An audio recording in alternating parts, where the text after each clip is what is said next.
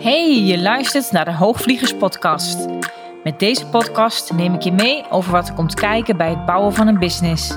Over zichtbaarheid, over marketingwetmatigheden en beproefde strategieën.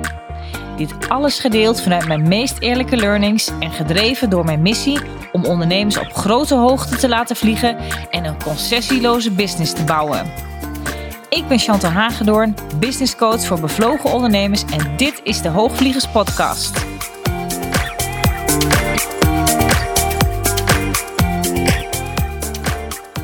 Yes, en welkom bij de 55ste aflevering van de Hoogvliegers Podcast.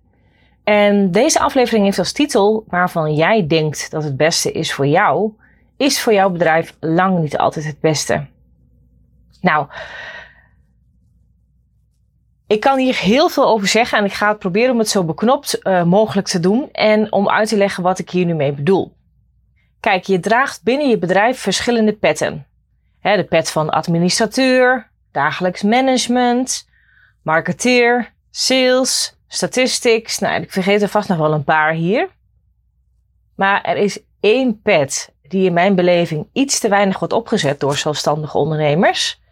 En dat is die van CEO van jouw bedrijf. We vragen ons in de rush van onze werkweken vaak nog wel af wat je zelf nodig hebt. Je staat stil bij jezelf. Oké, dat gebeurt ook lang niet altijd als ik heel eerlijk ben. Maar te weinig gaat het in mijn beleving over wat jouw bedrijf nodig heeft van jou.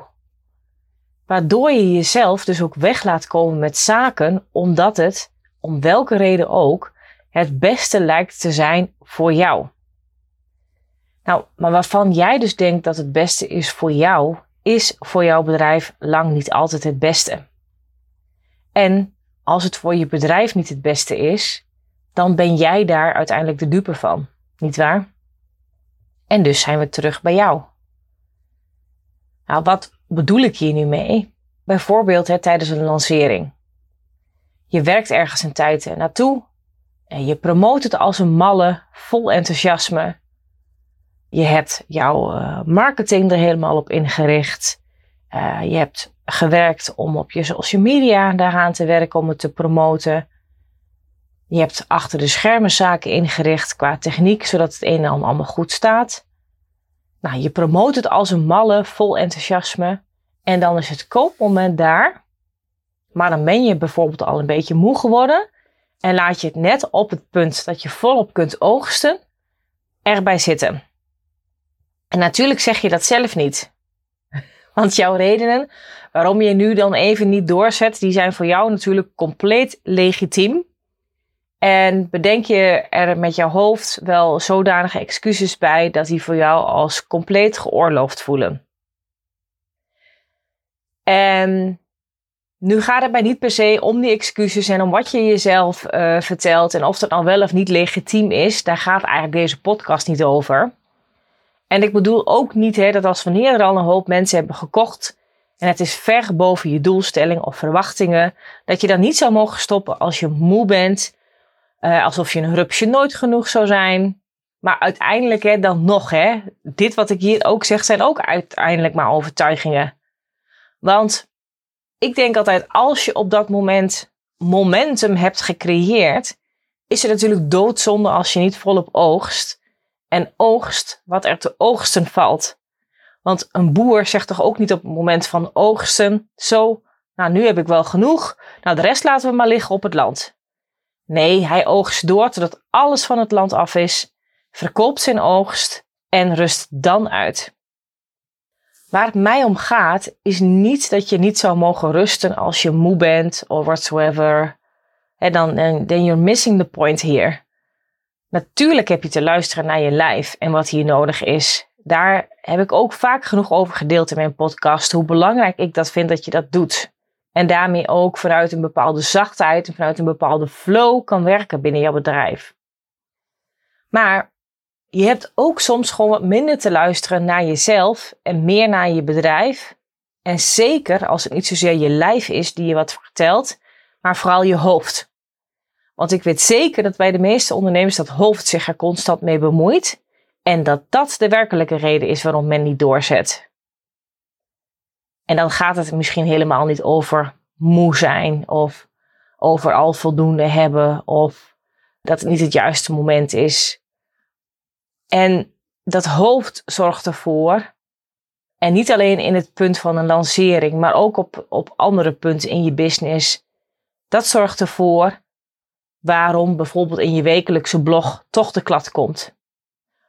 Of waarom je dus tijdens een lancering niet doorzet door gedachten zoals het is wel genoeg zo. Of als het niet uitpakt zoals je eigenlijk voor ogen had. Dit is niet het moment. Er kopen er te weinig of er, er melden zich te weinig mensen aan. En ik probeer het op een later moment wel weer.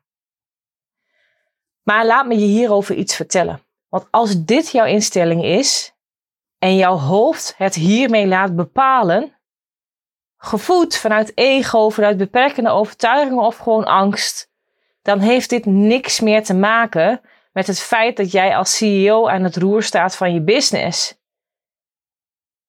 Sterker nog, je staat dan helemaal niet meer als CEO aan het roer van je business. Als je dan toch je hoofd ermee laat bemoeien, doe dit dan op een verstandige manier en zet die CEO-pet op van je bedrijf. En kijk dan met deze pet op naar wat er nu nodig is. Weet je, natuurlijk zijn het tig petten die als ondernemer op hebt te doen en hiertussen moet kunnen switchen. Maar zet niet op dit soort cruciale momenten in je bedrijf de verkeerde pet op. Wat vertelt jouw bedrijf je? Wat heeft het nu van je nodig? Sta je daadwerkelijk voor haar klaar? Of bungelt het op sommige momenten als een vervelend verlengstuk aan je been? Geef je haar voeding, geef je haar energie en je beste zelf. En kun je jouw bedrijf zo om je heen vormen dat je jouw bedrijf met jouw zijn volop kunt dragen.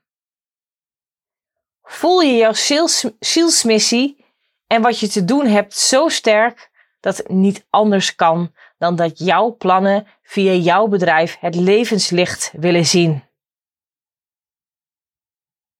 Sluit je ogen nou eens heel even en voel dat even ten diepste bij jezelf. En ja, dat mag je van mij echt voelen. Ook als het ongemakkelijk aanvoelt. Probeer het even te doen en ik geef je heel eventjes de tijd hiervoor.